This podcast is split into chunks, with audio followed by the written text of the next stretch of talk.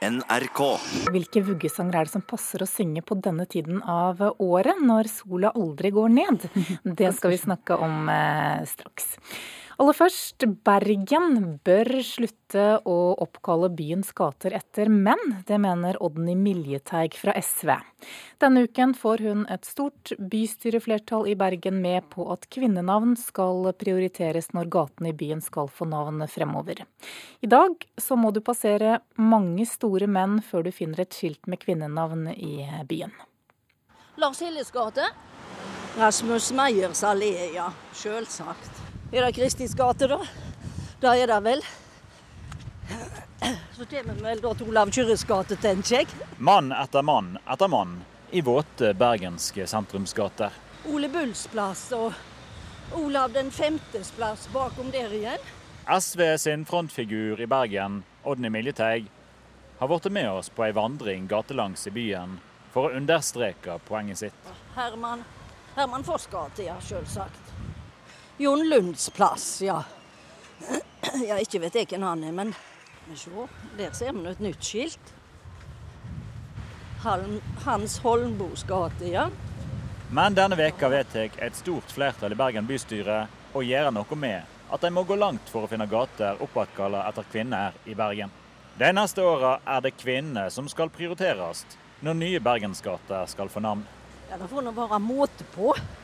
Det ser jo ut som at i Bergen, og alle andre byer for så vidt, så ser det jo ut som at det er bare menn som har gjort noe som er verdt at de skal enten få komme på sokkel, eller få gater eller plasser oppkalt etter seg. Odny Militeig ville helst gått enda lenger. Hun hadde helst sett at en de kommende åra helt skulle slutte å kalle gater i Bergen opp etter menn med et lite undertak, vel å merke. Inntil det er kommet en rimelig andel kvinner. Og det er jo rett og slett for å være sikre på at eh, eh, damene nå får forrang i den perioden som trengs. Vi gjør et unntak for Frank Aarebrot. Det gjør vi med lett hjerte. Eh, men ellers så kan ikke vi se at det per nå er noen som gjør seg fortjente til å gå forbi noe som helst dame. Fremskrittspartiet er det eneste partiet i Bergen bystyre som ikke vil være med på Miljeteig sin kvinnedugnad. Det vi må vite, det er det at vi har en historie bak oss. Og da hadde vi en historie fordi at det var menn som dominerte for det meste. Og kvinnen hadde jo en annen rolle enn de har i dag. Og det er historiske navn. Og da er det selvfølgelig naturlig at det ble sånn. Gruppeleder for partiet Tor Voldseth mener det er tull å gjøre kjønn til et kriterium når bergensere og andre skal heidres det å ha kriterier for at det skal være kvinnenavn før en mann, det mener vi er feil. Det er den jobben og den innsatsen du gjør for byen som skal være det avgjørende om du får navnet ditt øh, på en gate i byen. Ikke om du er kvinne eller mann. Ja, her står det Edvard Griegs plass. Og det er ikke et damenavn. Til slutt ender vi opp med Grieghallen. Der det kanskje viktigste bysbarnet av de alle har fått sin plass. Men i ei lita sidegate like ved oppdager Miljeteig unntaket som stadfester regelen. Er det her ei gate? Nei, ikke dette. Dette er nå vel en gangvei, vet jeg. Det er nå ikke plass til en bil, sjøl ikke i Bergen. Nina Griegs gate 6, du. Det har jeg aldri sett. Nina Grieg var ikke bare kusine og ektefellen til mannen sin, men en anerkjent sopran. Du all styrelse, jammen var Nina Grieg her òg. Men hun er veldig vedhengt mann, da, sant. Veldig. Og det var vel det som da måtte til for at en skulle få bli et gatedamenavn plassert midt i hjertet av Bergen. Reporter her, det var Sølve Rydland. Vi nordmenn har mange vuggeviser som vi synger for barna våre, men ingen av dem handler om å sove i en natt der sola ikke går ned. Frem til nå, må vi kunne si, for nå har Festspillene i Nord-Norge og Nordnorsk opera- og symfoniorkester gjort noe med akkurat eh, dette. De gir ut 17 nykomponerte godnattsanger for lyse netter. nu skal alle sove. Det er langt på kveld. Nu skal alle sove, men sola får ikke til. Nu skal alle sove, aftenbønn vi ber. Nu skal alle sove, men sola sapper Dette er eh, Kari Bremnes med sangen 'Nu skal alle sove'. En rekke andre artister og tekstforfattere har altså skrevet helt nye godnattsanger for barn i nord. Og kommunikasjonsrådgiver Aggi Petersson i Nordnorsk Opera og Symfoniorkester, god morgen. God morgen her fra nord. Du har jo bidratt med en av eh, sangene. Hvorfor trenger nordnorske barn egne godnattsanger? Du, det her starta faktisk litt med Festspilldirektør Maria Utsi sin eh, Facebook-post for et par år siden, hvor hun sa at det er så vanskelig å få lagt de her ungene. Hvorfor er det ingen som har skrevet om at det er lyst ute? For det er klart Når ungene ligger og diskuterer at det her er ikke natt, så er det ikke så lett å legge dem. Og um, jeg følte meg ganske enig med henne, med barn og, også i uh, samme alder. Og så tok jeg jo litt på ordet. og... Um, skrev en låt, og så snakka vi litt sammen om at det her må vi gjøre til et større prosjekt. Og nå et par år senere så har det blitt et prosjekt med 17 låter, og har, vi har snakka med låtskrivere og artister, og det har hagla inn med fantastiske låter. Så det, det, må bare ha vært et behov for den responsen og den kreativiteten som har kommet ut ifra dette og blitt til det her fine prosjektet, viser at det må være noe vi, vi trenger her oppe. Men hva handler disse sangene om, kan du si noe mer om det? Ja, alle har jo fått på en måte en knagg som er vuggevis i midnattssol, så de sentrerer jo rundt sola og at det ikke blir mørkt. Um, men det er forskjellige vinklinger. Noen av artistene er foreldre, noen er ikke foreldre. Folk kommer fra litt forskjellige bakgrunn, så det er mange forskjellige innfallsvinkler eh, rundt ett tema. Veldig fint. Og vi har blitt så rørt når det har kommet inn de forskjellige låtene, for det det er vakkert og nært og personlig. Og så er det noe med den nordnorske identiteten, at vi kanskje endelig får noen sanger som ja, tilsvarer det vi ser utafor mm. når det er sommer. Jeg må bare spørre, Har dere testet disse sangene ut på barn som skal sove? Ja, vi har jo det. Vi som i hvert fall har vært mest eh, sånn, i den prosjektgruppa, og artistene har jo nå eh, hatt eh, lytting på litt før de andre. Nå kommer plata ut på fredag 22.6, men vi har jo fått lov å teste litt i våre hjem. Og det, ja, vi vil jo si at det er god respons i, barna i heimen. Sovner, barna sovner umiddelbart? De sovner litt sånn etter hvert, for de vil jo høre de sangene først.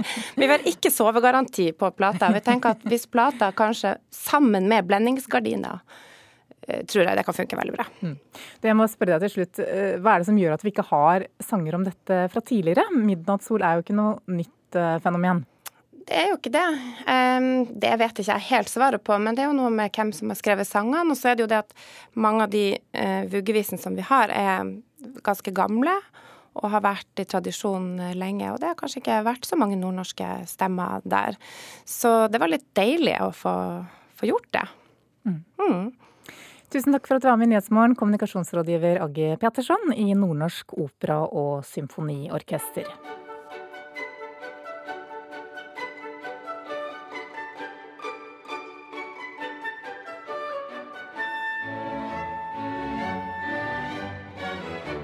Det er altså ikke en vuggesang. Dette handler om eh, at Oslo Filharmoniske Orkester må ut på dirigentjakt. Her hører vi sjefdirigent Vasilij Petrenko sammen med orkesteret fra innspillingen av Prokofjevs 'Romeo og Julie'. Petrenko har nå bestemt seg for å slutte i 2020, og hva er begrunnelsen for det, reporter Thomas Alvarstein Ove? Russiske Petrenko sier rett og slett at han nå vil ha mer rom i timeplanen for å kunne ta flere oppdrag som gjestedirigent rundt omkring, og også i ulike operaproduksjoner. Det er Aftenposten som skriver det i dag. Han kom til Oslo for fem år siden, og om to år så går kontrakten hans ut, og da velger han altså å ikke forlenge den. Direktør Ingrid Røynesdal sier at det ikke ligger noe, noe, dramatikk eh, bak dette. Petrenko har eh, vært med på en god tid sammen med orkesteret, der publikumstallene har gått opp, og økt eh, turnévirksomhet i utlandet har også gitt orkesteret et enda bedre rykte internasjonalt. Og Det betyr jo at han akkurat får med seg Filharmoniens jubileum neste år. Det gjør det, for i 2019 så fyller orkesteret 100 år. og Så, eh, så det blir jo en fin avrunding for Petrenkos tid i eh, Oslo. Hvem som skal overta, det vet man ikke ennå, men eh, jakten starter altså nå. Vi skal snakke om en annen stormann. John Travoltas siste film får gjennomgå av kritikerne. Do you know what you're doing to this family? I will build something that nobody can destroy. Salute. Paul Castellano was a fish in the desert. I never respected Paul. You killed the boss. You would bring down hellfire. There is no choice. Filmen om mafiabossen John Gotti blir ikke godt mottatt? Nei, Nærmere en totalslakt kommer man kanskje ikke. Ifølge BBC så fortalte Travolta under Cannes-festivalen i mai at det hadde tatt mange år å få laget denne filmen, og det hadde vært en utfordring å få den i havn. Men nå var, den, var han ved målet, og han virker tydelig stolt av resultatet. Men Hollywood Reporter er blant dem som ikke er helt enig i at dette er et bra resultat. De skriver at filmen er dårlig skrevet, blottet for uttrykk, fullstendig latterlig noen steder og utrolig kjedelig andre steder. Magasinet Rolling Stone gir heller ikke noe flatterende omtale. Mm. Publikum, da? Eh, på nettstedet Rotten Tomatoes, som måler publikums eh, meninger om dette, så er ratingen helt nede i 0% altså ingen varm anbefaling. Mm. Takk skal du ha, Thomas Alverstein eh, Ove. I over 40 år har andreklasse ved skuespillerutdanningen ved Kunsthøgskolen i Oslo spilt teaterforestillinger for barn i et telt i Frognerparken i nettopp Oslo. Denne sommeren er intet unntak, og i år så byr skuespillerstudentene på et helt nytt barnestykke.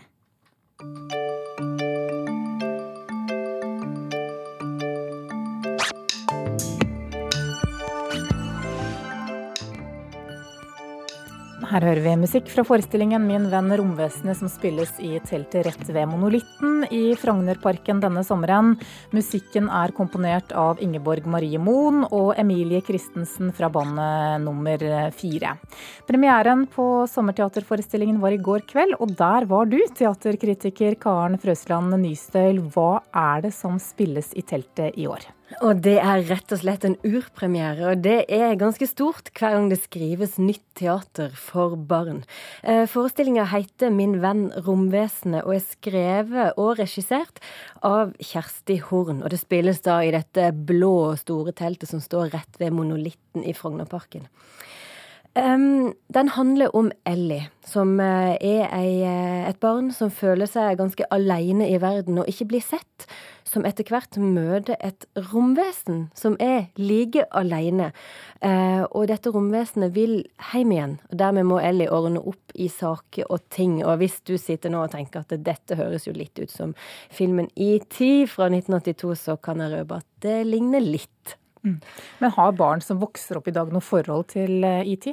Nei, det vet jeg ikke, men det er kanskje ikke så viktig heller, for barn er interesserte i verdensrommet, og de er interessert i fortellingene derifra. Star Wars, for eksempel. Um, så det går fint.